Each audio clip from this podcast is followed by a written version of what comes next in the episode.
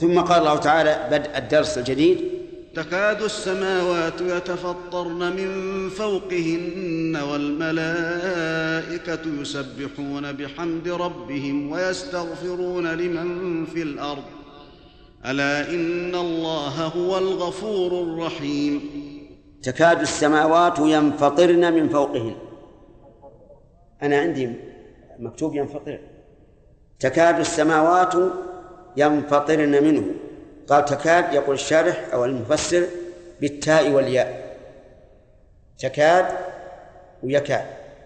أما تكاد فمطابقتها لمرفوعها ظاهر لأن السماوات جمع. وكما قال الزمخشري كل جمع مؤنث. طيب إذن تكاد مطابقتها لمرفوعها امشوا. ظاهر يكاد مذكر للمذكر والسماوات مؤنث. فما هو الجواب؟ الجواب الجمع المؤنث إذا كان مجازيا جاز تذكيره وتأنيثه أي تذكير فعله وتأنيثه تقول طلع الشمس وإيش؟ وطلعت الشمس. يجوز هذا وهذا لأنه مجاز. أما إذا كان حقيقيا وهو الذي له فرج من بني آدم أو غيره فإنه يجب تأنيث عامله. فتقول قامت امرأة ولا قام امرأة؟ قامت امرأة ولا غير. السماوات من المجاز أو الحقيقي؟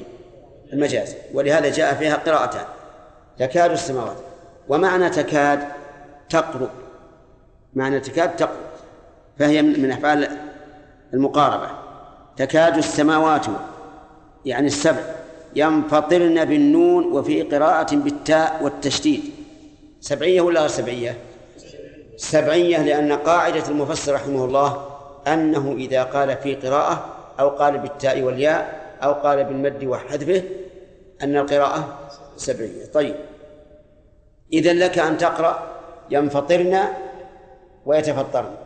والانفطار بمعنى الانشقاق. قال الله تعالى إذا السماء انفطرت وقوله من فوقهن لم يكن من أسفل لأن الله سبحانه وتعالى فوق.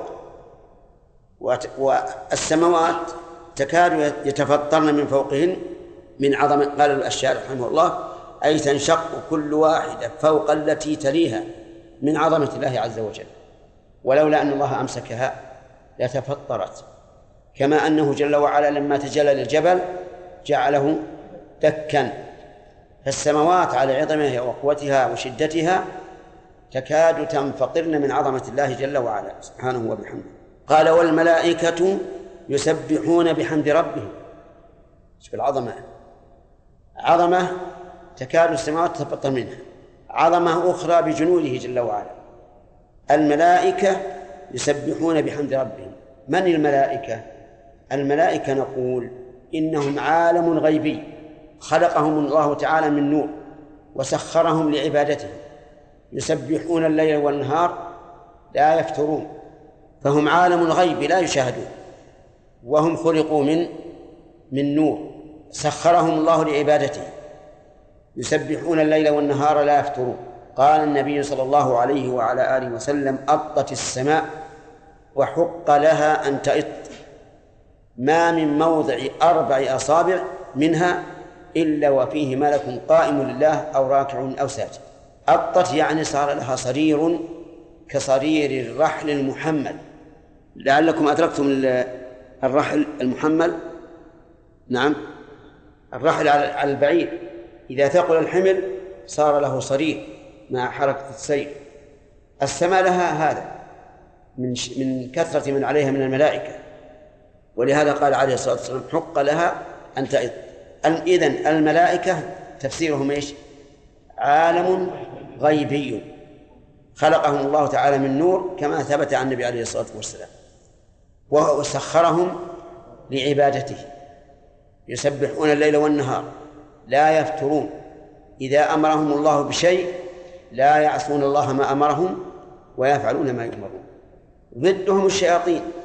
الشياطين عالم غيبي خلقوا من نار.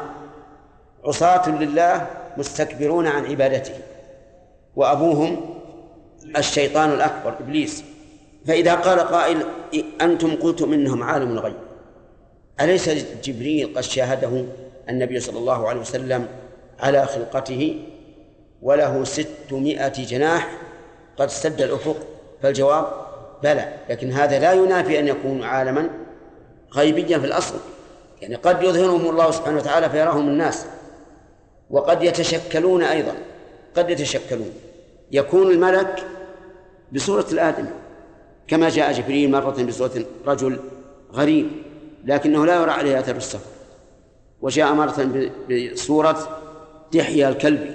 فهم قد يتشكلون بصور الآدم هذا التشكل هل هو بإرادتهم أو من الله عز وجل. السؤال عن هذا بدعة. انتبه. السؤال عن هذا بدعة. يعني هل لنا مصلحة أن نعرف أن جبريل يحول نفسه إلى صورة آدم أو أن الله يقلبه إلى صورة آدم؟ أسألكم. ما لنا مصلحة. ليس لنا مصلحة. لكن نعلم أنه لم يبقى ذلك إلا بإرادة الله. سواء كان بفعل اختياري من جبريل أو بفعل خلقي من الله عز وجل. نحن ليس لنا ليس لنا حق أن نسأل عن ذلك. كل أمور الغيب لا تسأل عنها. أجرها على ما جاءت. فهمت؟ لأنه سبقك من هو أحرص منك على العلم وأقوى منك إيمانا وباشر من يستطيع الجواب والرد.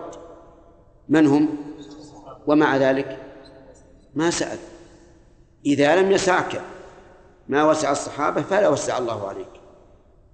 ولهذا يجب أن نقول لبعض الشباب الآن الذين يبحثون في أسماء الله وصفاته ويتعمقون يجب أن ننهاهم ونقول اتقوا الله آمنوا بالقرآن والسنة على ما جاء في الكتاب والسنة ولا تبحثوا. سبقكم من هو خير منكم وأحرص على العلم ما سأل. ثم هم إذا سألوا يسألون من من؟ الرسول الذي قد ينزل عليه الوحي ويخبر الله عز وجل بما سألوا عنه أما تسأل إنسان يخطئ ويصيب وأنت وهو سواء في علم الغيب فهذا من الغلط والسفة ومن مخالفة جادة السلف. وما أحسن ما قال مالك رحمه الله للذي سأله عن كيفية الاستواء قال ما والسؤال عنه بدعة وما أراك إلا مبتدع. فنصيحتي لكم إذا أردتم السلامة أن تدعوا السؤال عن الأمور الغيبية. اتركوه. وإلا هذا يرد على الإنسان. يعني قصدي أنه هل الملك يستطيع أن ينقلب إلى صورة آدمي أو إن هذا بأمر الله عز وجل بمعنى أنه ما يستطيع لكن الله يقلبه.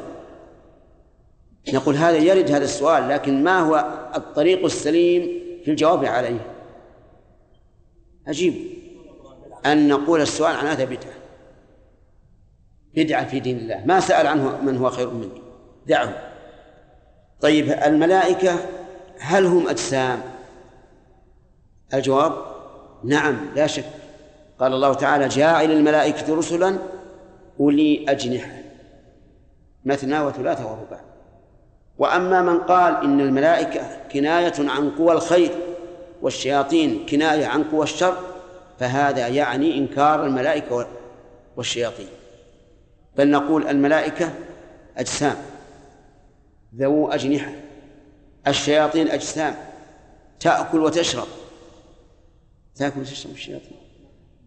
نعم؟ نعم تأكل وتشرب. قال الله تعالى أجلب عليهم بخيلك ورجلك وشاركهم في الأموال والأولاد وعدهم وما يعدهم الشيطان إلا غرورا. أعاذنا الله وإياكم من الشيطان. المهم أننا نؤمن بأن الملائكة أجسام وأن الشياطين أجسام. لكن هل نعرف كيفيتهم؟ لا نعرف إلا ما علمنا الله. ما علمنا الله نعرفه وما لا فلا نعرفه لأنهم عالم الغيب. قال والملائكة يسبحون بحمد ربهم أي ملابسين للحمد.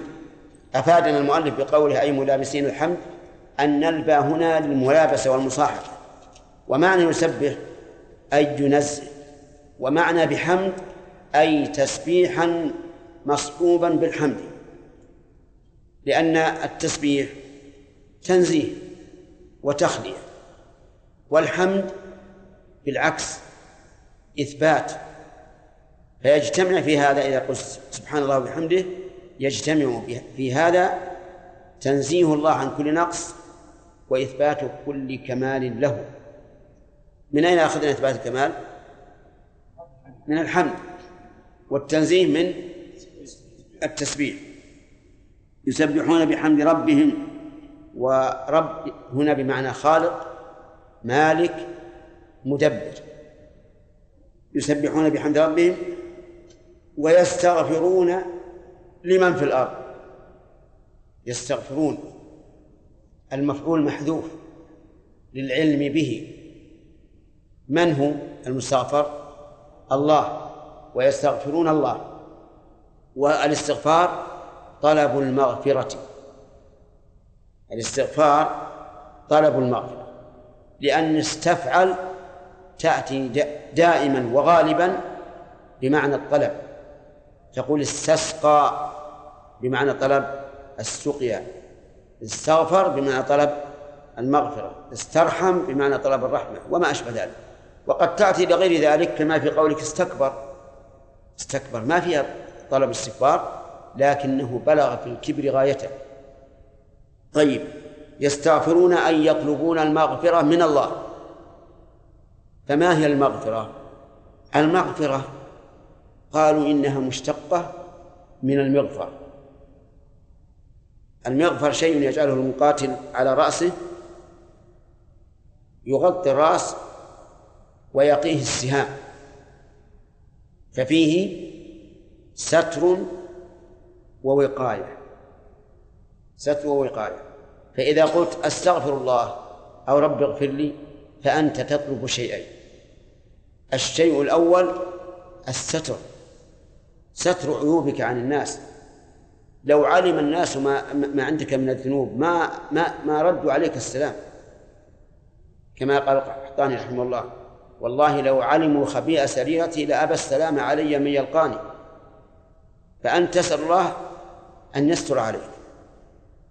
الثاني تسأل الله الوقاية من الذنب. وقاية إيش؟ العذاب. كل مذنب مستحق للعقاب. إذا لابد من لو قال الإنسان المغفرة عدم المؤاخذة على الذنب. لو قال هكذا. نقول هذا بعض معناه. معناها ستر الذنب وعدم المؤاخذة عليه. وقوله لمن في الأرض من هنا اسم موصول. يفيد إيش؟ العموم. فهل هو عام؟ لا. هذا عام يراد به الخاص. بدليل قوله تعالى في آية أخرى يستغفرون للذين آمنوا. ربنا وسعت كل شيء رحمة وعلما فاغفر للذين تابوا واتبعوا سبيلك. إذا من هنا عام يراد به الخصوص. طيب لو قال قائل إنه عام خصص قلنا لا لأنه لم يرد العموم من أصل. إنما أريد الخصوص الذين آمنوا. ويستغفرون لمن في الأرض ولهذا قال المؤلف من المؤمنين ألا إن الله هو الغفور الرحيم ألا أداة استفتاح؟ يبتدأ بها الجملة. وتفيد شيئين. تفيد شيئين. الأول التنبيه والثاني التوكيد. وننظر. إن الله إن حرف توكيد هو ضمير فصل. وضمير الفصل يفيد التوكيد وحينئذ يحق لنا أن نقول إن هذه الجملة أكدت بإيش؟ بثلاثة مؤكدات ألا وإن وهو الذي هو ضمير الفصل ألا إن الله هو الغفور الرحيم ولذلك طلبت الملائكة منه المغفرة لأنه سبحانه وتعالى أهل لذلك كما قال تعالى هو أهل التقوى وأهل المغفرة. ألا إن الله هو الغفور الرحيم. فبمغفرته تزول المكروهات وبرحمته تحصل المحبوبات. غفر الله لنا ولكم. قال الله تبارك وتعالى تكاد السماوات يتفطرن من فوقهن. إلى آخره. في هذه الآية الكريمة بيان عظمة الله عز وجل. وأن هذه السماوات على شدتها وقوتها تكاد تتفطر من عظمة الله. وهذا كقوله لما سأل موسى أن يرى ربه قال لن تراني ولكن انظر إلى الجبل فإن استقر مكانه فسوف تراني. فلما تجلى ربه للجبل جعله دكا وخر موسى صعيدا بل إن كلام الله عز وجل وهو كلامه لو نزل على جبل لرأيته خاشعا متصدعا من خشية الله. ففي هذه الآية بيان عظمة الله عز وجل. وفيها من فوائدها أيضا بيان علو الله عز وجل الذاتي لقوله من فوقهن.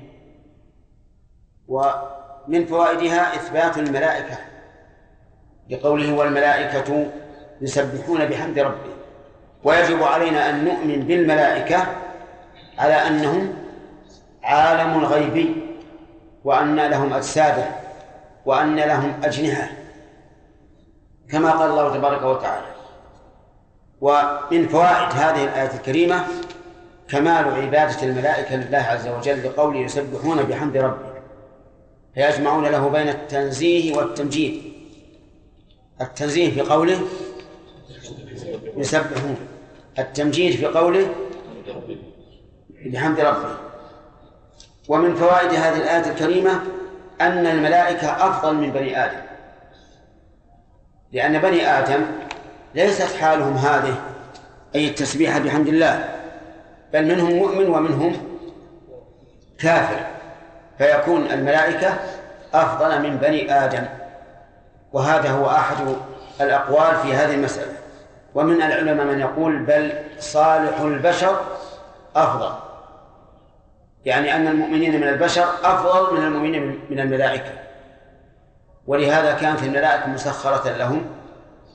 وهذا القول هو الذي نص عليه الإمام أحمد. أن الملائكة أن صالح البشر أفضل من الملائكة. لأن الملائكة خلقوا للعبادة فليس عندهم صوارف تصرفهم عن عبادة الله. والبشر خلقوا للعبادة لا شك لكن هناك صوارف تصرفهم وهي الشبهات والشهوات. ومن المعلوم أن تحقيق الإيمان مع الصوارف أشد معاناة ومجاهدة من تحقيق الإيمان مع عدم الصوارف ولهذا كان الرجل المتمسك بدين الله في آخر الزمان أفضل من خمسين من الصحابة. كما قال النبي صلى الله عليه وسلم للعامل فيهن أجر خمسين منكم وإنما كان كذلك لمشقة العباد العبادة على هذا الذي بين أمة فاسدة. واختار الشيخ الإسلام رحمه الله التفصيل في ذلك. فقال الملائكة أفضل باعتبار البداية والبشر أفضل باعتبار كمال النهاية لأن البشر في النهاية يدخلون الجنة والملائكة يدخلون عليهم من كل باب سلام عليكم بما صبرتم كأنما خلقوا لتهنئتهم وتطمينهم فيكون في هذا تفصيل الملائكة أفضل باعتبار إيش؟ البداية لأنهم خلقوا من نور وبنو آدم من طين ولأنهم في عبادة الله عز وجل. لكنهم باعتبار النهاية البشر أفضل. وبعد هذا فإن الخوض في ذلك ليس من الأمور المهمة لأننا قد نقول ما علمنا من فضائلهم وفضائل البشر نؤمن به. وأما التفضيل عند الله فهو فهم درجات عند الله والله بصير بما يعملون. ما ندري. باعتبار ما يظهر لنا نعطي كل إنسان ما تميز به. وباعتبار ما عند الله الله عليم به. ولسنا مؤاخذين فيما إذا توقفنا في هذا الأمر.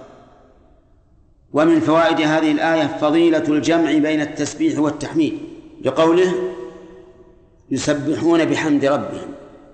وقد ثبت عن النبي صلى الله عليه وعلى آله وسلم قوله كلمتان حبيبتان إلى الرحمن خفيفتان على اللسان ثقيلتان في الميزان. سبحان الله وبحمده سبحان الله العظيم. فما أجدرنا أن تكون هذه هاتان الكلمتان على ألسنتنا دائما لأنهما خفيفتان على اللسان ما في تعب حبيبتان إلى الرحمن ثقيلتان في الميزان. فما فماذا علينا لو كان الإنسان يديم هذا القول؟ سبحان الله وبحمده سبحان الله العظيم وهو يشتغل وهو يعمل وهو يمشي وهو مضطجع وهو قاعد. لكان لحصلنا خيرا كثيرا. ولوصلنا بإذن الله عز وجل إلى محبة الله لنا. لأننا ما دمنا نأتي ونلازم ما يحبه فهو أكرم منا عز وجل. ومن فوائد هذه الآية الكريمة أن الملائكة مربوبون مربوبون ليس لهم حق من الربوبية. بقوله إيش؟ بحمد ربهم. وعلى هذا فمن دعا جبريل أو ميكائيل أو إسرافيل أو مالك أو غير ذلك فإنه كافر مشرك بالله. ولهذا أهل النار لم يقولوا يا مالك أخرجنا من النار. ولكنهم قالوا كما قال الله عنهم ونادوا يا مالك إيش؟ ليقضي علينا ربك. قال إن إنكم ماكثون. وقال تعالى وقال الذين في النار لخزنة جهنم ادعوا ربكم يخفف عنا يوم من العذاب. انظر إلى الحياء والخجل والعياذ بالله.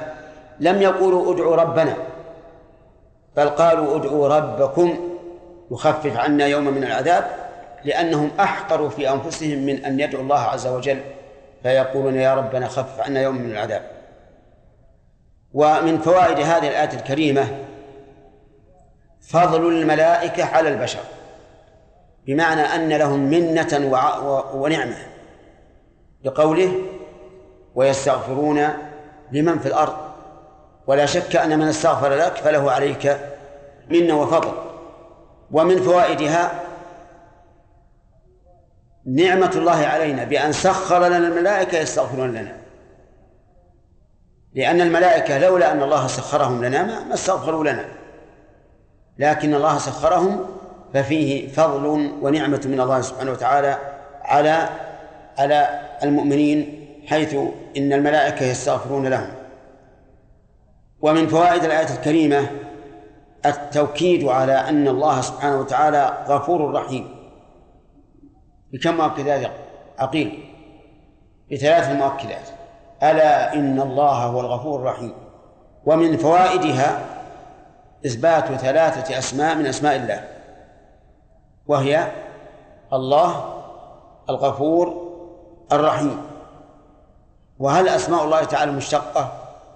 الجواب نعم مشتقة بلا شك. الله من الألوهية الغفور من المغفرة الرحيم من الرحمة. فهو لم يسمى بهذه الأسماء إلا وهو متصف بما دلت عليه من صفات. ولهذا نقول كل اسم من أسماء الله فهو متضمن إيش؟ لصفة أو صفتين أو أكثر حسب ما تدل عليه هذه الأسماء من المطابقة والتضمن والالتزام. ومن فوائد هذه الآية الكريمة أننا إذا علمنا أن الله غفور رحيم فجدير بنا أن نسأله إيش؟ المغفرة والرحمة. لأنه أهل لذلك فيكون في هذا تربية للإنسان وسلوكه في وصوله إلى الله عز وجل. أن يعلم بأنه غفور فيستغفر وأنه رحيم فيسترحم. ومن فوائد هذه الآية الكريمة أن فيها حثا للإنسان على ترك الذنوب وعلى فعل الطاعات. وجه ذلك أن المغفرة تحتاج إلى عمل صالح إلى توبة يغفر الله بها الذنب والرحمة تحتاج إلى طاعات يتوصل بها الإنسان إلى إلى إيش؟ إلى رحمة الله عز وجل. ومن فوائد هذه الآية الكريمة بيان الحكمة في حكم الله الكوني القدري. لأن قوله ألا إن الله هو الغفور الرحيم كالتعليل لقوله ويستغفرون لمن في الأرض. كأن قائلا يقول لماذا يستغفرون لأهل لمن في الأرض؟ قال لأن الله هو الغفور الرحيم. ومن فوائد هذه الآية الكريمة أن الأسماء الحسنى تكون كاملة بانفرادها واجتماعها. لأنه إذا لما جمع بين الغفور والرحيم تولد منهما صفة ثالثة غير المغفرة والرحمة وهي اجتماع هذين الوصفين أو هذين الاسمين الدالين على الوصف في حق الله عز وجل فبالمغفرة تمحو الذنوب وبالرحمة يحصل المطلوب. أعوذ بالله من الشيطان الرجيم. فيما سبق ذكر المؤلف قراءتين في قوله تكاد السماوات. نعم. تكاد ويكاد. طيب. تكاد السماوات مؤنث ولا إشكال فيه لكن يكاد. كيف جاء مذكرا والسماوات جمع؟ ها؟ نعم. ومجاز التأنيث يجوز تذكير فعله وتأنيثه. بارك الله طيب. وذكر في في الآية تكاد السماوات آه، ذكر قراءتين في يتفطرن. ينفطرن ويتفطرن. طيب. قوله من فوقهن آه، لماذا تكاد تتفطر من عظمة الله. هل يفيد هذا علو علو الله؟ يفيد علو الله. قوله تعالى لمن في الأرض. يستغفرون لمن في الأرض. ماذا تقول؟ هل هي على عمومها؟ أم ماذا؟ ها؟ ويستغفرون لمن في الأرض. الإنسان فقط. يعني وأما الذئاب والسباع فلا يغفر لها خاصة بالمؤمنين. ما هو الدليل على خصوصها بالمؤمنين؟ نعم. في آيات أخرى ويستغفرون للذين آمنوا. ربنا وسعت كل شيء رحمة وعلما طيب. ماذا يسمى هذا النوع من العموم؟ العام الذي أريد به الخصوص. هل تستطيع أن تأتي لنا بمثال واضح؟ ها. قوله تعالى الذين قال لهم الناس إن الناس قد جمعوا لكم. ما المراد بالناس في الموضعين؟ إيه إن الناس قد جمعوا. طيب والأولى يريد يراد بها من أخبر النبي صلى الله عليه وسلم وهو نعيم بن مسعود الثقفي أو غيره المهم أنه من أرى من أخبر النبي صلى الله عليه وسلم. ما الفرق بين العام الذي أريد به الخصوص وبين العام المخصوص؟ العام الذي أريد به الخصوص هو من أصله مخصوص نعم. بخلاف العام الذي يخص فإنه يكون عاما في الأول ثم يرد عليه أحسن. العام الذي أريد به الخصوص لم يكن العموم مرادا به من أول إنما يريد به شيء خاص. وأما العام المخصوص فهذا عام أريد به عموم عمومه ثم أخرج منه بعض الأفراد فخصص واضح؟ دليل العام الذي أريد بالخصوص عقلي. بمعنى أنه لا يمكن أن يراد به العموم. ثم قال الله تعالى والذين اتخذوا من دونه أولياء الله حفيظ عليهم وما أنت عليهم بوكيل. والذين اتخذوا من دونه أولياء الله حفيظ عليهم. اولا في الإعراب الذين اتخذوا مبتدأ وأولياء مفعول ثاني اتخذوا لأن التقدير اتخذوا الأصنام أولياء. الله مبتدأ الله حفيظ عليهم وحفيظ خبره والجملة من المبتدأ والخبر في محل رفع خبر المبتدأ الأول. أين المبتدأ الأول؟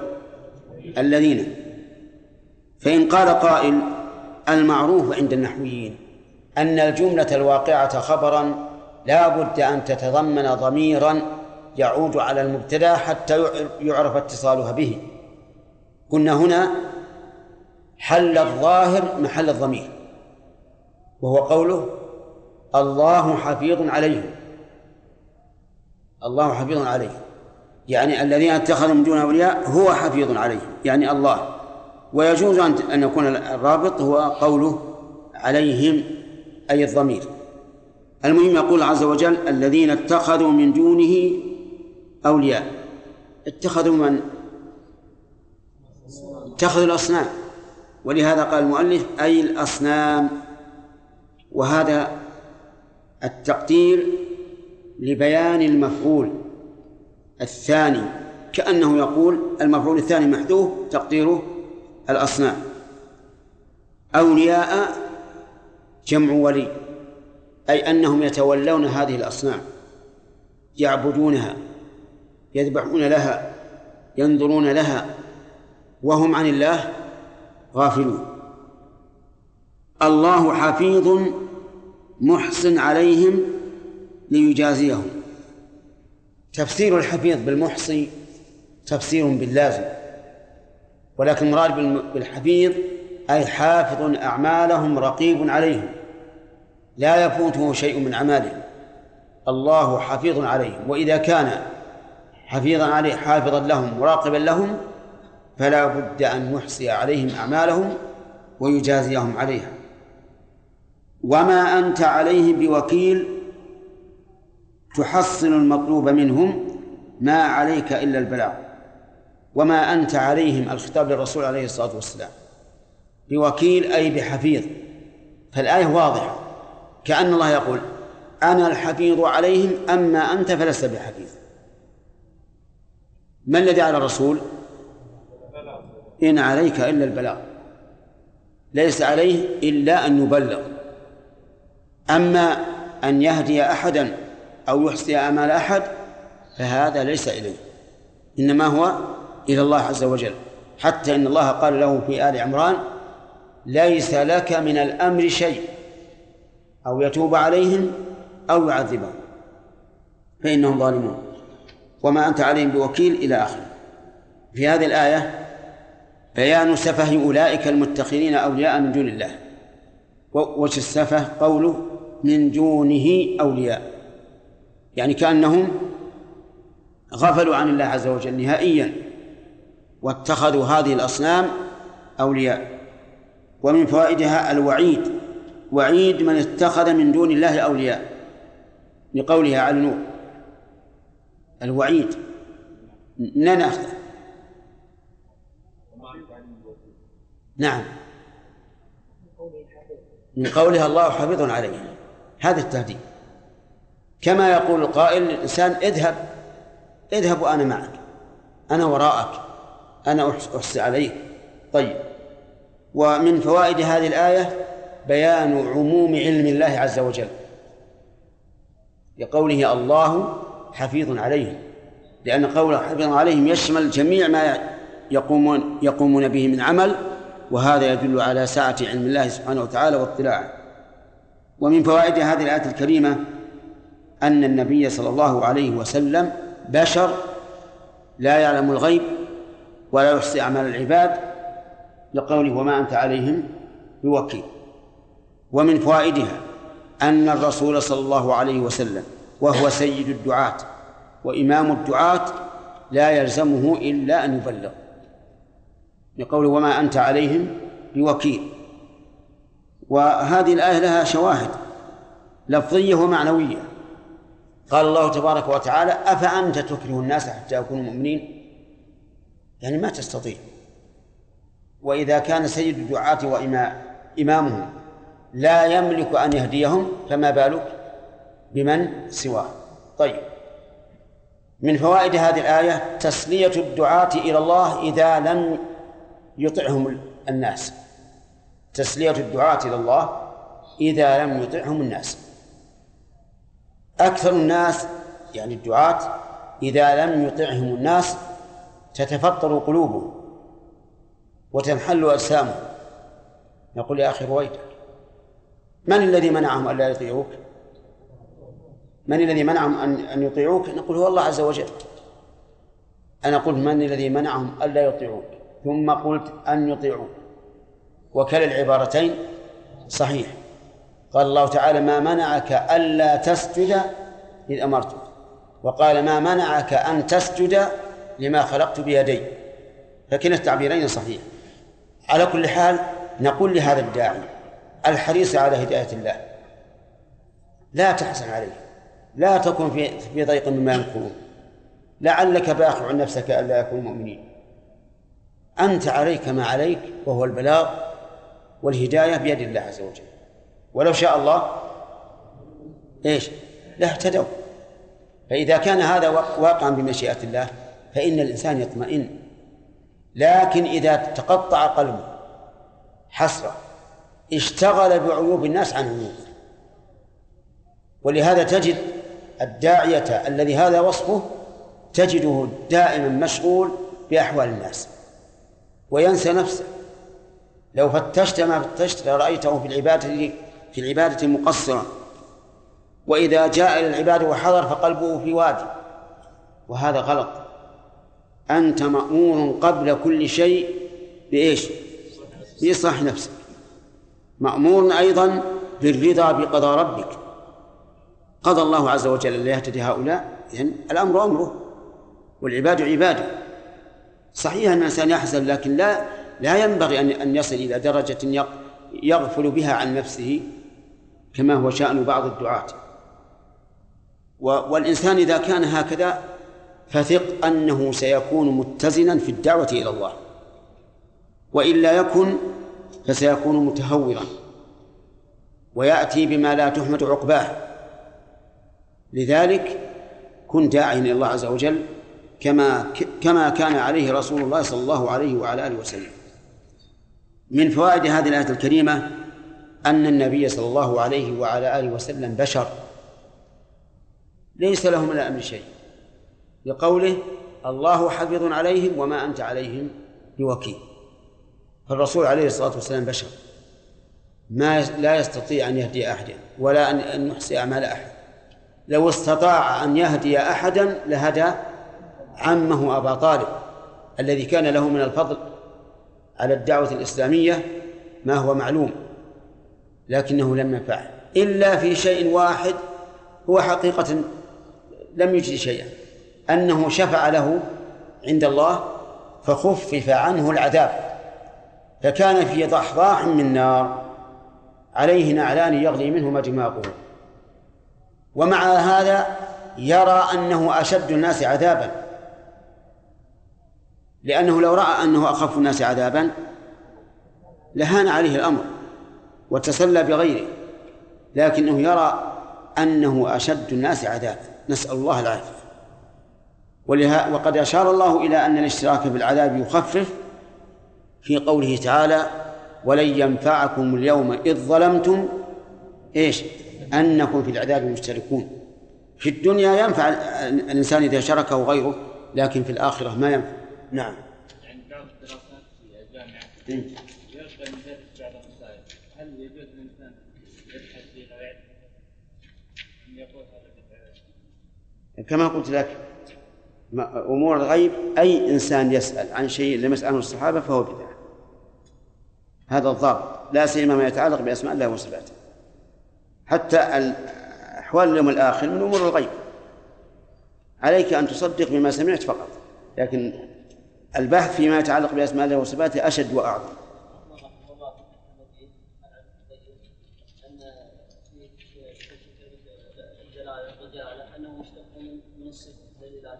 نعم يعني ان الاسماء وبين الاسماء الاسماء تشتق من معانيها نعم. يعني نعم. لا لكن هذا بحث ما له داعي. هو الأصل لا شك أنه المعنى. الأصل المعنى فأنت لا يمكن أن تقول فلان ضارب إلا إذا وقع منه منه الضرب. هذا هو الأصل. فالمصدر هو الأصل. هذا مذهب البصريين وهو الحق إن شاء الله. الكوفيون يقول لا الأصل فعل. فيقولون ضرب مشتق من ضرب والصواب بالعكس. نعم. أي العام المخصوص هو الذي أريد عمومه أولا ثم أخرج بعض أفراده. مثل أن تقول قام القوم إلا زيد. والعام المخصوص آه الذي أريد به الخصوص لم. لم يرد عمومه أصلا. ودلالته عقلية. دلالة العام المخصوص عقلية. فمثلا الذين قال لهم الناس إن الناس قد جمعوا لكم الذين قال لهم الناس هل هم كل الناس؟ هل يفهم أحد من هذه الكلمة أن جميع الناس قالوا أصلا؟ هل يفهم هذا؟ نعم لا يفهم. إن الناس قد جمعوا لكم. نعم. نعم.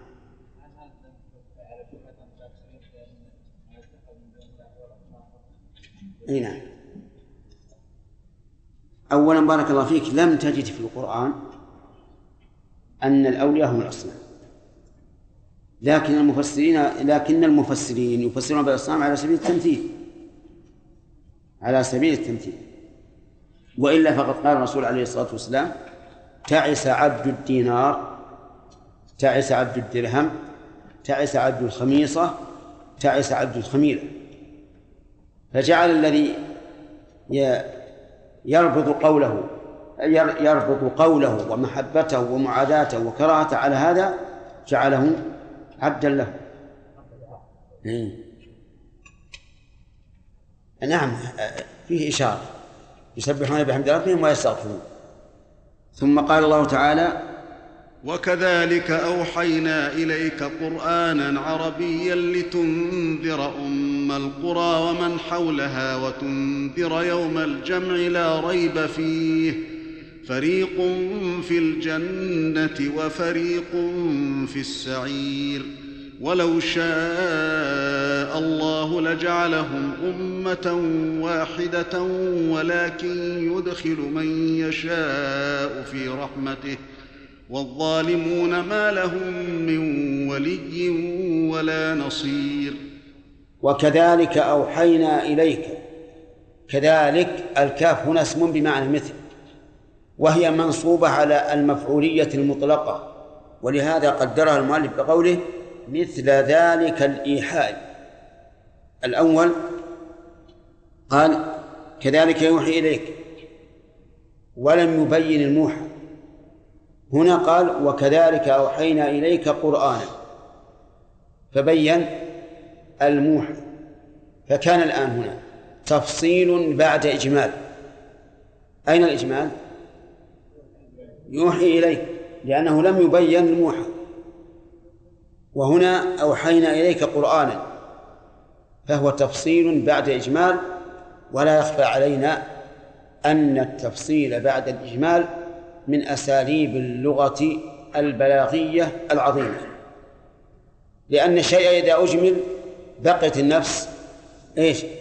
متضلعة متطلعة متشوفة متشوقة إلى تفصيله فإذا جاء مفصلا ورد كالماء على أرض يابسة. الماء على أرض يابسة إيش يعمل تشربه على طول. فكذلك إذا ورد التفصيل بعد الإجمال فإنه يرد على قلب متطلع تماما إلى التفصيل. وكذلك أي مثل هذا الإيحاء أوحينا إليك والخطاب للرسول عليه الصلاة والسلام. عن طريق من؟ عن طريق جبريل. قال الله تعالى نزل به الروح الأمين على قلبك أوحينا إليك قرآنا عربيا لتنذر. قرآنا بمعنى مقروء أو بمعنى قارئ. أما هو فهو مصدر. قرآن مصدر قرأ. كغفران مصدر غفر. شكران مصدر شكر. إذا قرآن مصدر لكن هل هو بمعنى اسم الفاعل أو بمعنى اسم المفعول أو هو بمعناهما جميعا؟ لنا قاعدة سبقت. أن الآية أو الحديث أيضا إذا تضمن معنيين إذا احتمل معنيين على السواء ولا منافة بينهما وجب إيش؟ أن يحمل عليهما جميعا. إذا قرآن بمعنى قارئ وقرآن بمعنى مقروء. كيف يكون قرآن بمعنى قارئ؟ قاري بمعنى جامع. ومنه سميت القرية لأنها تجمع الناس. فيكون قرآن يعني قارئ. ولا شك أن القرآن جامع. جامع لعلوم الأولين والآخرين ولكل علم نافع وعمل صالح. وقوله عربيا أي بلسان العرب. والعروبة هنا هل هي عروبة النسب أو عروبة اللسان؟ نعم. الظاهر أنها عروبة اللسان لكن حقيقة الأمر أن عروبة اللسان أصلها عروبة النسب. إذ أن اللغة العربية وإن تكلم بها من ليس بعربي هي أصلها منين؟ من عروبة النسب من عروبة النسب. ولذلك أولئك القوم الذين من فارس والروم نقول هم عرب لسانا وليسوا عربا نسبا فهل يلحقهم مدح العرب؟ الجواب لا لا يلحقهم. لأن المدح للعرب إنما هو عرب النسب. أما الوصف اللي هو عرب اللسان فلا يستحق هذا المدح. ولهذا لو سئلنا من أشرف الناس نسبا؟ أجيب العرب عرب اللسان أو أو عرب النسب؟ عرب النسب. نعم في إشارة إلى هذا. وبينا فيما سبق أن الله تعالى أجمل ثم فصل. فقال في أولك كذلك أوحي إليك. وهنا قال وكذلك أوحينا إليك. وأضاف الإيحاء إليه عز وجل لأن الأمر مهم جدا. والموحى به هو أشرف الكلام. قرآنا قلنا إن قرآنا مصدر كالغفران والشكران وهل هو بمعنى اسم الفاعل أو بمعنى اسم المفعول؟ أي هل المعنى أنه قارئ أو المعنى أنه مقروء؟ ذكرنا أنه يجوز فيه الوجهان. أما كونه قارئا فلأنه جامع. جامع لجميع لجميع الكمالات في الكلام ومنه القرية لأنها تجمع الناس. وأما كونه بمعنى مفعول فلأنه يقرأ ويتلى وكلاهما وصف صالح للقرآن ولا ينافي بعضهما بعضا وعلى هذا فيحمل على المعنيين جميعا كما هي القاعدة في التفسير وفي الحديث النبوي إذا كان يحتمل معنيين لا مرجح لأحدهما على الآخر وليس بينهما منافاة فالواجب أن يحمل عليهما جميعا. قرآنا عربيا أي بلغة العرب والمراد بلغة العرب نطقا أو نسبا. الأصل نسبا لأن لغة العرب انتشرت بعد الفتوحات الإسلامية وإلا فإن كانت في الجزيرة فقط. ثم قال لتنذر أم القرى اللام للتعليل. التعليل فما هو المعلل, المعلل؟ قوله أوحينا. وعلى هذا فالجاء فاللام متعلقة بقوله أوحينا. لتنذر قال المؤلف لتخوف أم القرى ومن حولها أي أهل مكة وسائر الناس. قول لتنذر أم القرى. أم, أم القرى هي مكة. وسميت بذلك لأنها جامعة للقرى إذ أن جميع القرى تأوي إليها. ولا شك أن المسلمين كلهم يتجهون إلى أم القرى لأن الكعبة فيها. وهي أيضا تجمع القرى من جهة أنه يجب على كل المسلمين أن يحجوا هذا البيت. من استطاع إليه سبيلا. لقوله تعالى ولله على الناس حج البيت أو حج البيت قراءتان سبعيتان من استطاع إليه سبيلا. إذا سميت أم القرى لماذا؟ لأنها تجمع جميع القرى والقرى هنا المدن لأن القرية البلد الصغير عرفا. أما لغة فإن القرية تطلق حتى على المدينة الكبيرة كما قال الله تبارك وتعالى وكأي من قرية هي أشد قوة من قريتك التي أخرجتك أهلكناهم وقول ومن ومن حولها يقول المؤلف المراد بمن حولها سائر الناس.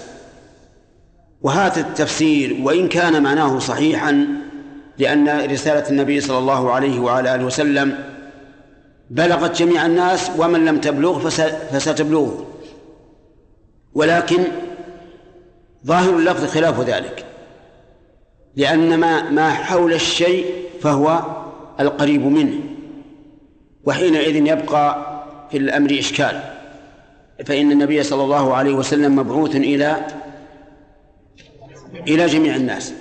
ولكن يقال لا إشكال. فهو كقوله تعالى هو الذي بعث في الأميين رسولا منهم وهو مبعوث لكل الخلق ولهذا قال وآخرين منهم لما يلحقوا بهم. وعلى هذا فنقول المراد بالإنذار الإنذار المباشر. والإنذار المباشر من النبي عليه الصلاة والسلام ما كان إلا لأم القرى ومن حولها. ولهذا ما فتحت الشام ولا العراق ولا مصر في عهد النبي صلى الله عليه وعلى آله وسلم وإنما كان الجزيرة فقط. وعليه فيكون المراد بقول تنذر إيش؟ الإنذار الإنذار الذي تم في حياته عليه الصلاة والسلام فإنه لم يشمل إلا أم القرى ومن حولها. وقوله أم القرى ومن حولها هل المراد بهذا إنذار المدينة نفسها أو المراد الأهل؟ الأهل لا شك. ولا يشكل هذا على أحد. وهذا هو الذي جعل شيخ الإسلام رحمه الله يقول إنه لا مجاز في القرآن ولا في غيره من العربية لأنه إذا كان اللفظ دالا على معناه الخاص فإنه لا يعتبر مجازا. ونحن نقول هنا ليس المراد أن الرسول ينذر بيوت مكة وأسواقها وإنما المراد أن ينذر أهلها. بقي أن يقال أين مفعول ينذر الثاني؟ لأن أنذر تنصب مفعولين كما قال الله تعالى فأنذرتكم نارا تلظى الكاف مفعول أول ونارا مفعول ثاني. نقول المفعول الثاني محذوف. المفعول الثاني محذوف ويقدر بما يناسب. ممكن هنا أن نقدره بقوله يوم الجمع. لتنذر أم القرى ومن حولها يوم الجمع بدليل قوله وتنذر يوم الجمع. فتجد الآن الآية الكريمة. الجملة الأولى حذف منها مفعول. والثاني حذف منها مفعول لكن الجملة الأولى حذف مفعولها الثاني والجملة الثانية حذف مفعولها الأول. وهذا من بلاغة القرآن. إذن المفعول الثاني في قوله لتنذر أم القرى محذوف. تقديره يوم الجمع. ولنا أن نقدره تقديرا آخر لكن ما دام بين أيدينا ما يدل عليه فهو أولى. قال الله تعالى وتنذر يوم الجمع. قال وتنذر الناس. الناس. هذا المفعول الأول المحذوف.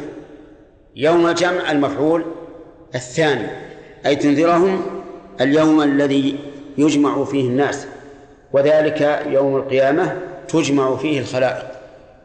وهذا من أسماء يوم القيامة يوم الجمع.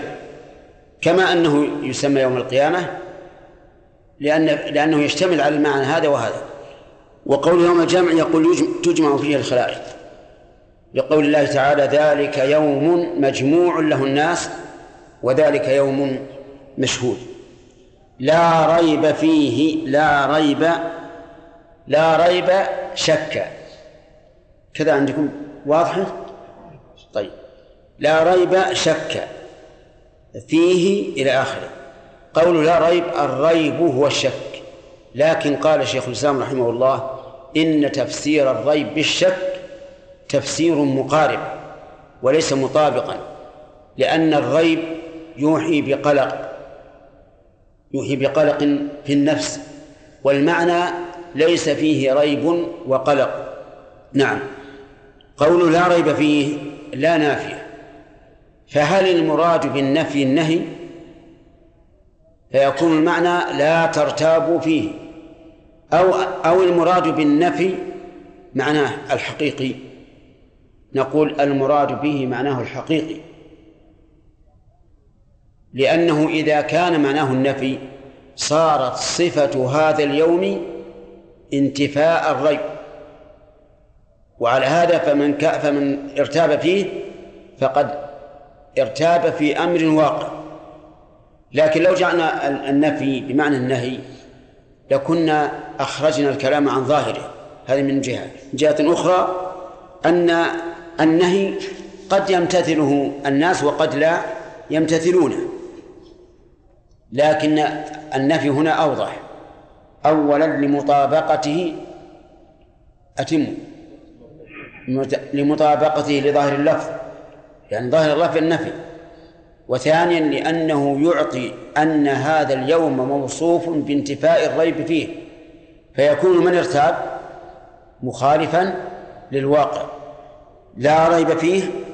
فريق منهم في الجنة وفريق في السعير في النار فريق مبتدع وفريق الثاني مبتدع ومن كان منكم عارفا بالنحو فسيقول في هذا إشكال ما هو الإشكال؟ ها؟ الابتداء بالنكرة والابتداء بالنكرة غير جائز لماذا؟ لأن المبتدأ محكوم عليه. فإذا قلت زيد قائم فقد حكمت على زيد بالقيام. والمحكوم عليه لا بد أن يكون معروفا. إذا كان نكر أي فائدة في الحكم عليه. انتبهوا. فكلام النحويين في أنه لا يجوز الابتداء بالنكرة هذا تعليله. لأن المبتدأ محكوم عليه. والمحكوم عليه لا بد أن يكون معرفة معلوما. فهنا ابتدي بالنكرة. يقول النحويون إن المسوغ للابتداء بالنكرة في هذه الآية هو التقسيم. هو التقسيم. والتقسيم مفيد. فريق في الجنة أي نوع من الناس في الجنة ونوع في السعير. فالتقسيم يبيح الابتداء بالنكرة. ومنه قول الشاعر فيوم علينا ويوم لنا. ويوم نساء ويوم نسر. هذا مبتدا نكرة لكن لكنه فيه التقسيم. فيكون المسوغ للابتداء بالنكرة هنا هو التقسيم. نعم. فريق في الجنة وفريق في السعير. أيهم أكثر؟ نعم فريق السعير أكثر. فريق السعير أكثر كما جاء في الحديث الصحيح أن الله تعالى يوم القيامة ينادي يقول يا آدم فيقول لبيك وسعديك فيقول أخرج من ذريتك بعث النار أو بعثا إلى النار أي مبعوثا إلى النار. قال يا ربي ومن بعث وما بعثهم النار؟ قال من كل ألف تسعمائة وتسعة وتسعون. واحد في الجنة والباقي من الألف في النار. إذن أيهم أكثر؟ من أكثر؟ أهل النار. أكثر من أهل الجنة بكثير. أجارنا الله وإياكم من النار. ففزع الصحابة لهذا. وقالوا يا رسول الله أينا ذلك الواحد؟ قال لهم أبشروا. إنكم في أمتين ما كانتا في شيء إلا كثرتاه.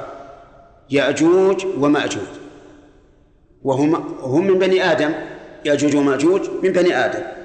كما دل على ذلك القرآن. فمنكم واحد وألف منهم. ففرح الصحابة رضي الله عنهم بذلك. المهم أن الله قال فريق وفريق. مع اختلاف الفريقين اختلافا عظيما. نعم. فدل ذلك على أن الفريق في اللغة. يطلق على القليل وإيش؟ والكثير. فريق في الجنة وفريق في السعير. ما هي الجنة؟ الجنة هي الدار التي أعدها الله تعالى للمؤمنين والمتقين. وهي دار فيها ما لا عين رأت ولا أذن سمعت ولا خطر على قلب بشر. وأصناف النعيم في هذه الجنة جعلني الله وإياكم منهم موجودة في القرآن والسنة. أما السعير والعياذ بالله فهي النار تسعر بها الأجساد وفيها من أنواع العذاب والنكال ما يتمنى أهلها أن يموتوا ولا يحصل لهم قال الله تعالى ونادوا يا مالك ليقضي علينا ربك قال إنكم ماكثون لقد جئناكم بالحق ولكن أكثركم الحق كارهون. وفريق في السعير ولو شاء الله لجعلهم أمة واحدة أي على دين واحد هو الإسلام. نعم. لو شاء الله أن يجعل الناس أمة واحدة لجعلهم أمة واحدة. على الضلال أو على الهدى. يعني لو شاء هذا أو هذا لأن الأمر كله بيده عز وجل. وقوله لجعلهم أمة واحدة يعني فرقة واحدة على دين واحد. وقوله وهو الإسلام قد ينازع فيه لأن الآية مطلقة وليس فيها ما يدل على أنه الإسلام أو غير الإسلام. لأن قوله ولكن يدخل من يشاء في رحمته والظالمون ما لهم ولي ولا نصير ذكر الأمرين. فنقول إن الآية تحتمل المعنيين جميعا. لو شاء الله لجعلهم أمة واحدة يعني على الإسلام أو على الكفر. ولكنه عز وجل لحكمته جعلهم متفرقين. هو الذي خلقكم نعم فمنكم كافر ومنكم مؤمن. قال ولكن يدخل من يشاء في رحمته. قوله يدخل من يشاء. من؟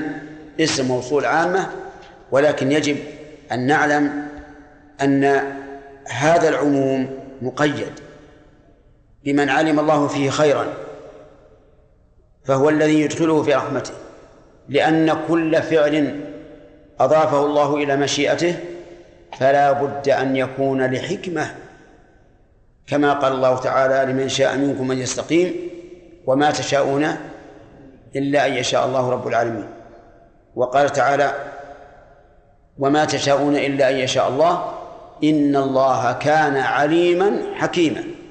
طيب إذن يدخل من يشاء في رحمته ممن علم الله فيه خيرا ليكون إدخاله في الرحمة على وفق الحكمة. وقوله في رحمته المراد هنا بالرحمة التي هي وصفه أو بالرح أو المراد الرحمة التي هي خلقه. الثاني لأن الرحمة التي هي وصفه لا يدخلها الناس وإنما يدخلون في الرحمة التي هي خلقه وهي الجنة. ويدل لهذا قوله تبارك وتعالى في الحديث القدسي للجنة أنت رحمتي أرحم بك من أشاء. فقال لها فقال لها أنت رحمتي.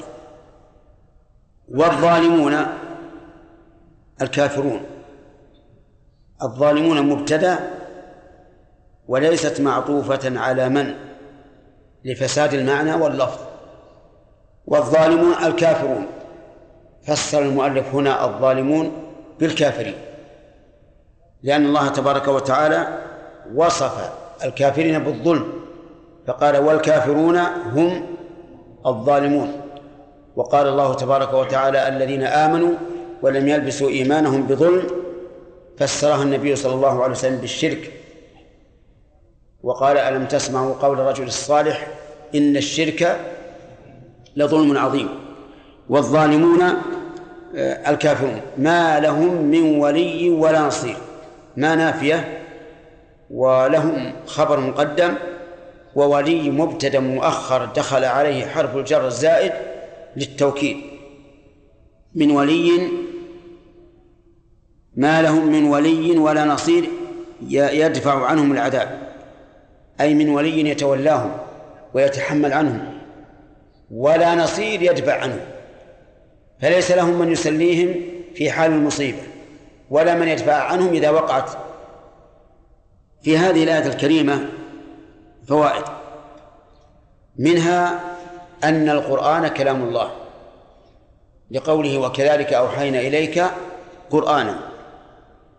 وجه كونه كلام الله أن هذا القرآن كلام أو شيء مخلوق. كلام. وإذا كان شيء وإذا كان كلاما.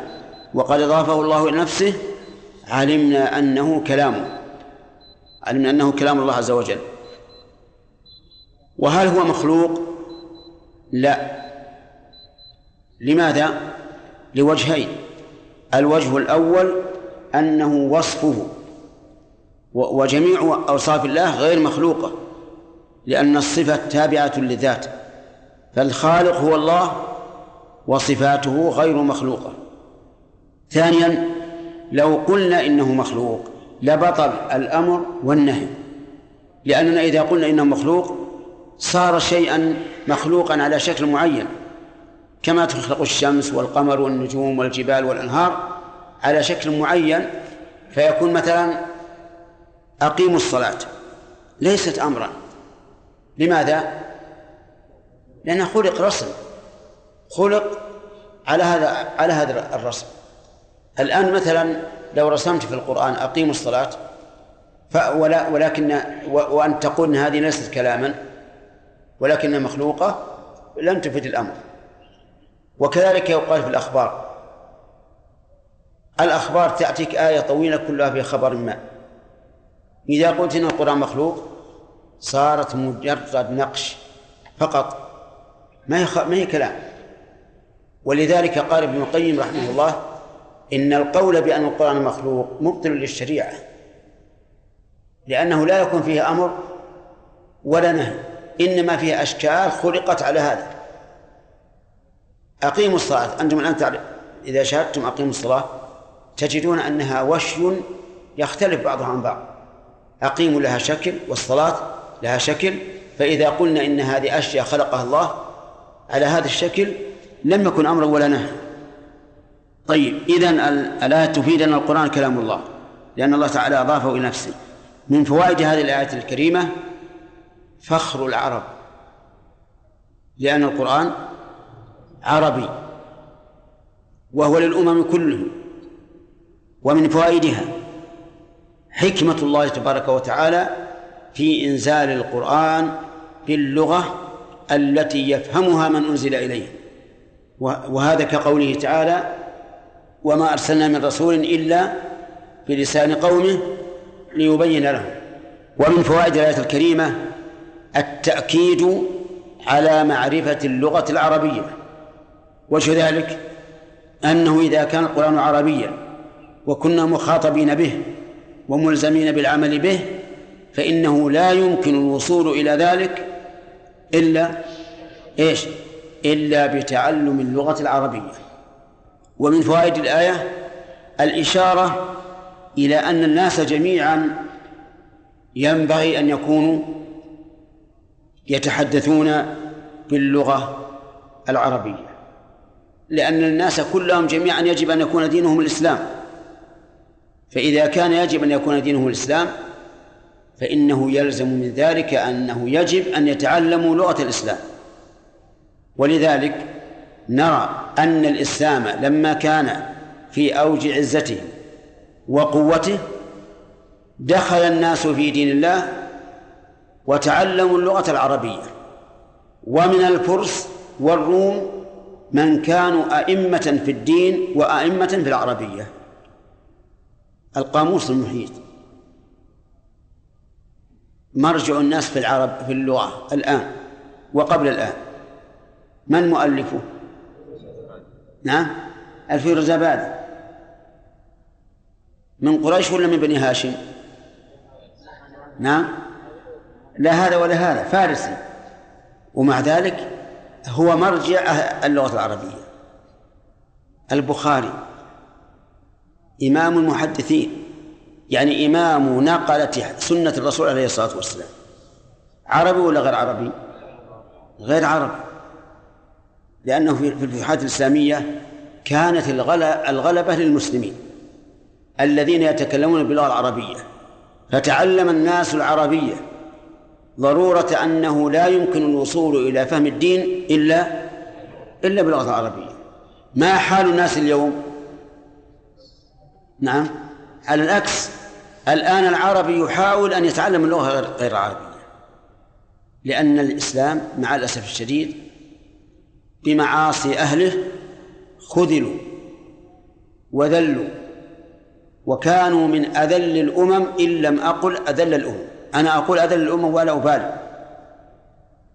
لأن عند المسلمين من الثروات العظيمة والمعادن العظيمة والأماكن الفسيحة والواسعة ما إذا قسناه بحالهم وجدنا أنهم أذل الأمم. من يكون عنده مثل هذه الثروات ثم يتخلف هذا التخلف؟ حفنة من اليهود تلعب بعقولهم ليلا ونهارا. و و و ولو قلت أمم من النصارى ويلعبون بهم ولو كان لهم عزة لكانوا هم الذين يتحكمون في الناس. ويقاتلونهم حتى يكون الدين كله لله. لكن لما ذلوا ذلت لغتهم. الآن تجد المتاجر في البلاد بلاد الأعراب في مدننا في قرانا تجدها مملوءة باللافتات باللغة. إيش؟ غير العربية. غير العربية. أحيانا تجد المتاجر كأنك في سوق لندن. إلا أن يشاء الله. كل هذا من الذل. طيب. من فوائد هذه الآية الكريمة إثبات حكمة الله. إثبات حكمة الله. تؤخذ من أين يا أحمد؟ تؤخذ من قوله لتنذر لأن اللام هنا للتعليل. وكلما وجدت لام التعليل في القرآن فإن فيها إثبات حكمة الله عز وجل. وحينئذ نعلم أن جميع ما يفعله الله عز وجل أو يشرعه فهو إيش؟ لحكمة. ومن فوائد الآية الكريمة الاقتصار على أحد موضوعي الرسالة إذا اقتضت الحكمة ذلك. وجهه أنه قال لتنذر أم القرى ومن حولها ولم يذكر البشارة مع أن الله تعالى في مواضع كثيرة يذكر الإنذار والبشارة. لتبشر به المتقين إيش؟ وتنذر به قوما لدا لأن السياق مع قريش. وقريش كما تعلمون إيش؟ عتاة معتدون. فناسب الإنذار. فناسب ذكر الإنذار دون ذكر البشارة لأنه إذا رأيت شخصا معتديا فهل أنت تحاول استقامته بالبشارة أولا أو بالإنذار أولا؟ بالإنذار أولا. وهذا من من بلاغة القرآن أن أن يجعل كل شيء في موضعه ومن فوائد هذا هذه الآية الكريمة أن النبي صلى الله عليه وسلم ملزم بإنذار أم القرى إلزاما أوليا. لقوله تنذر أم القرى. وما وما سواها إنذارا ثانويا. ومن فوائد الآية الكريمة الإشارة إلى أن النبي صلى الله عليه وسلم لن يصل إلى من أرسل إليه مباشرة وإنما ينذر من حوله. لقوله لتنذر أم القرى ومن حولها. وأنا ذكرت لكم قبل قليل هذه الفائدة ذكرناها في التفسير. أيضا في فائدة أخرى وهي أن القرآن باللغة العربية لا يمكن أن ينتذر به إلا من؟ إلا أم القرى ومن حولها الذين هم عرب. وأما فارس والروم والأقباط وما أشبههم فهؤلاء لا ينتفعون بالقرآن إلا بعد أن يعرفوا اللغة العربية ويعرفوا معاني القرآن. ولعل هذا والله أعلم أيضا من الحكم أن الله قال ومن حولها. ومن فوائد هذه هذه الآية الكريمة تخويف الناس من يوم القيامة لقوله وتنذر يوم الجمع. ومن فوائدها أن يوم القيامة واقع لا محالة. لقوله لا ريب فيه. نعم. ومن فوائد الآية الكريمة أن الناس في ذلك اليوم ينقسمون إلى قسمين. فريق في الجنة فريق في السعير. أهل الجنة يتجهون إلى الصراط ليصلوا إلى الأعلى إلى الجنة. وأما أهل النار فلا يصعدون الصراط لأنه لا لا يرجى منهم أن أن أن ينجوا. أهل النار لا يرجى منهم أن ينجوا بل إنهم يساقون إلى جهنم وردا أي على أشد ما يكون من العطش. وتمثل لهم النار كأنها سراب يظنونها ماء فيسرعون إليها. فإذا جاءوها وجدوا الأمر بالعكس. فيتوقفون ولكنهم يدعون إلى نار جهنم دعا. ويقال لهم هذه النار التي كنتم بها تكذبون اصلوها فاصبروا أو لا تصبروا. ومن فوائد هذه الآية الكريمة آه، إثبات مشيئة الله عز وجل لقوله ولو شاء الله لجعلهم أمة واحدة. ومن فوائدها الرد على القدرية. الرد على القدرية. أتعرفون من القدرية؟ القدرية هم الذين يقولون إن الله سبحانه وتعالى لا علاقة له في فعل العبد. يقولون العبد مستقل ما لله في إرادة. وغلاتهم ينكرون علم الله. في أحوال العبد إلا ما وقع منها. يقول إن الله ما يعلم ما يعلم ماذا يصنع العبد لكن إذا صنعه العبد علم به وهؤلاء لا شك في كفرهم لأنهم أنكروا علم الله مقتصدوهم ينكرون المشيئة والخلق. هذا الذي استقر عليه رأيهم يقولون إن الله لا مشيئة له في فعل العبد. ولا وليس خالقا لفعل العبد. العبد حر يقول ويسكت يفعل ويترك ينام ويستيقظ استقلالا. ما لله فيه مشيئة. عرفتم يا جماعة؟ ولهذا سموا مجوس الأمة المحمدية لأنهم بهذه العقيدة يجعلون للحادث خالقين. حوادث العباد من خلقها؟ العباد. وحوادث الله خلقها الله. ولهذا يسمون مجوس الأمة الإسلامية. في الآية الكريمة رد عليهم وجه الرد ولو شاء الله لجعلهم أمة واحدة. وهذا كما قال تعالى في سورة هود ولو شاء الله لجعل الناس أمة واحدة ولا يزالون مختلفين إلا من رحم ربك ولذلك خلقهم. طيب آه، فيه الرد على من؟ يا أخوان القدرية. وفيه حجة للجبرية. فيه حجة للجبرية. لأن الله قال لو شاء الله لجعلهم أمة واحدة إذا هم انقسموا بمشيئة الله. وما شاء الله كان وما لم يشاء لم يكن. فهذا دليل على أن الإنسان لا اختيار له بل فعله بمشيئة الله. عرفتم؟ فيقال هذا مما احتج به من في قلوبهم زيغ. لأن الذين في قلوبهم زيغ يتبعون المتشابه ويدعون المحكم. يتبعون المتشابه في مثل هذه الآية. ويقول هذا دليل على أن فعل العبد بمشيئة الله ولا يمكن لأحد أن يغير مشيئة الله.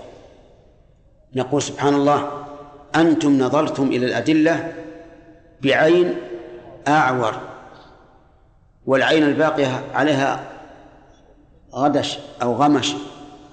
ما هي جيدة؟ فنظروا بعين أعور ربع أو أكثر. هناك آيات صريحة في إضافة العمل إلى الإنسان نفسه وأنه بمشيئة الإنسان. أليس الله يقول من شاء فليؤمن ومن شاء فليكفر؟ أليس الله تبارك وتعالى يقول لمن شاء منكم أن يستقيم؟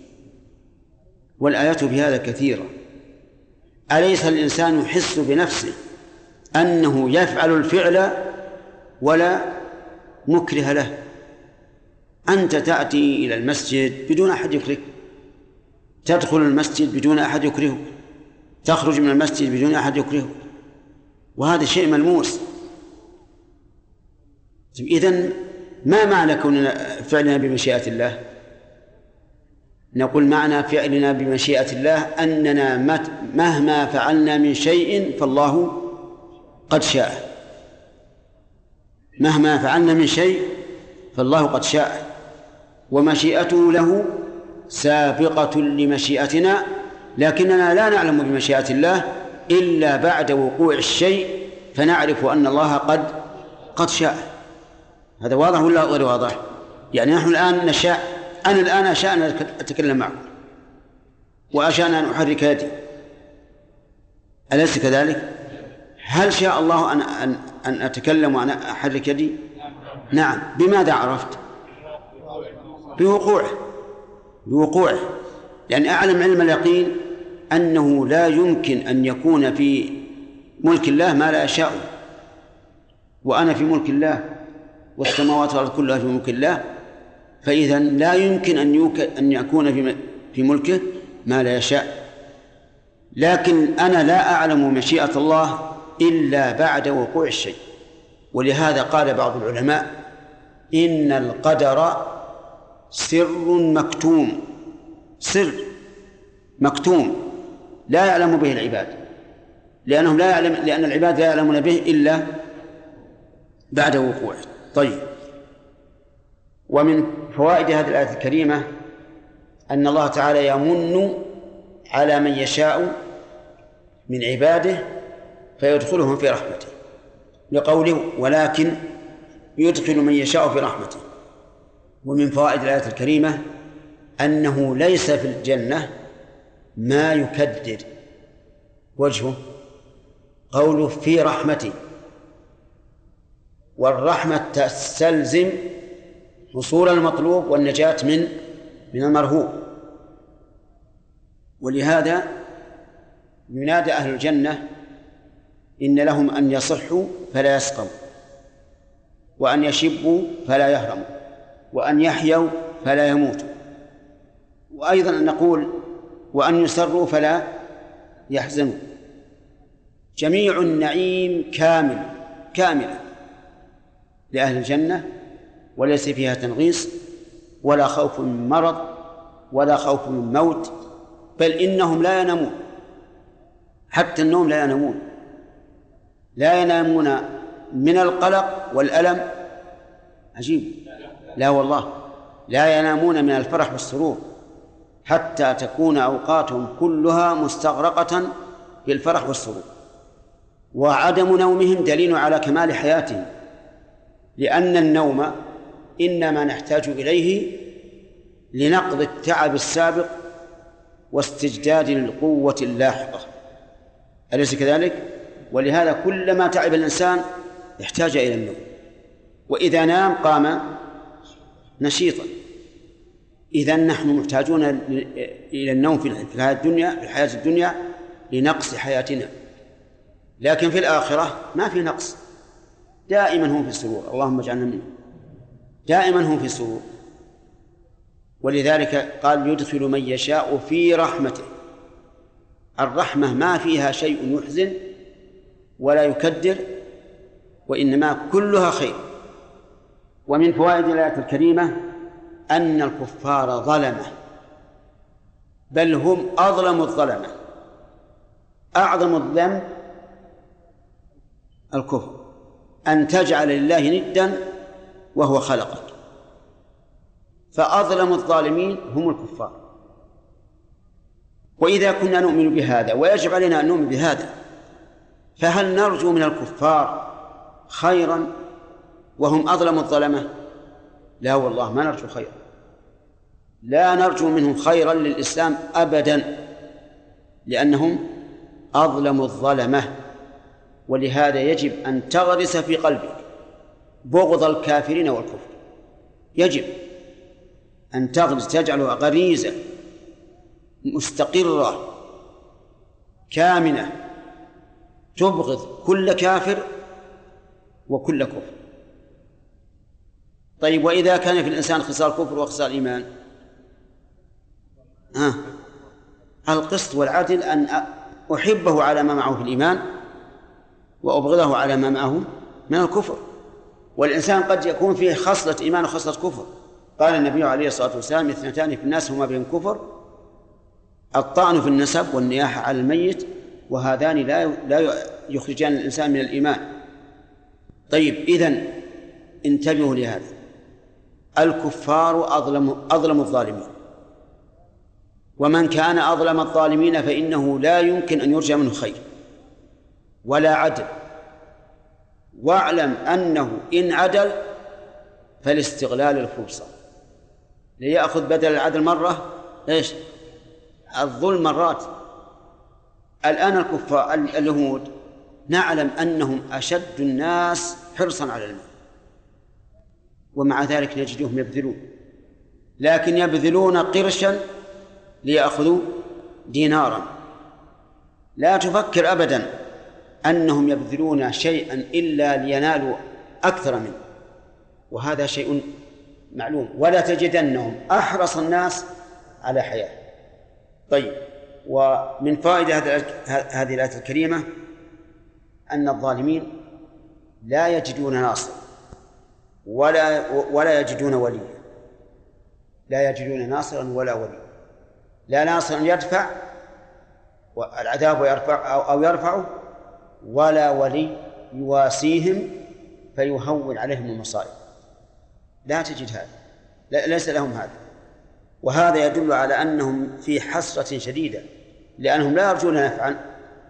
وقد قال الله تعالى ولن ينفعكم اليوم إذ ظلمتم أنكم في العذاب مشتركون.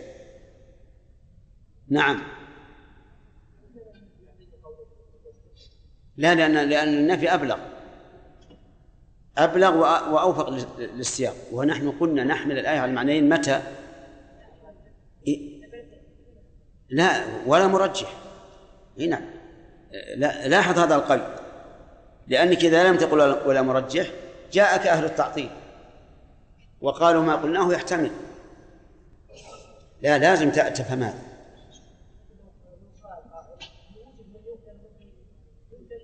من إيش؟ إي نعم. لكن الله نفاه جبل الواقع. نعم. في غير هذه البلاد مثلا يوجد علماء مثلا متضلعون في بعض العلوم ولكن مثلا يكون معتزلي أو أشعري ففي أثناء الدرس مثلا قد يقرر المذهب. المذهب الاشعري والمعتزلي هل هذا طالب العلم؟ إذا كان يعلم الحق في هذه المسألة أن يناقش شيخه فيها خاصة أنه يكون كبير في السن قد يصعب أن يرجع عن رأيه. في المسألة إيه. التي قد ولا شك أن أولا الذين يدعون إلى البدعة هؤلاء تجنبوا. والرزق على الله. حتى لو كانوا علماء في النحو والبلاغة لا لا لا خير فيه. هؤلاء الذين يدعون. أما الذين لا يدعون إلى بدعتهم ويتسترون فلا بأس أن تجلس إليهم فيما ينفع.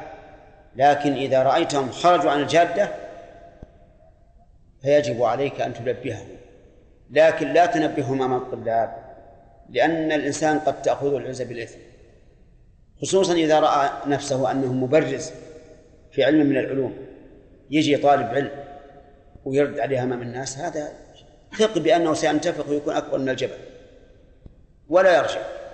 لكن من الممكن أن تكتب له كتابا نعم تبين له الحق إذا لم تستطع أن تناقشه مباشرة.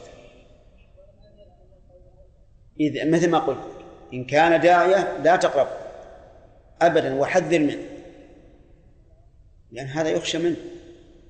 ثم إذا رأى الناس أنك أنت وفلان وفلان تجتمع إليه توهم أنه على حق. عرفت؟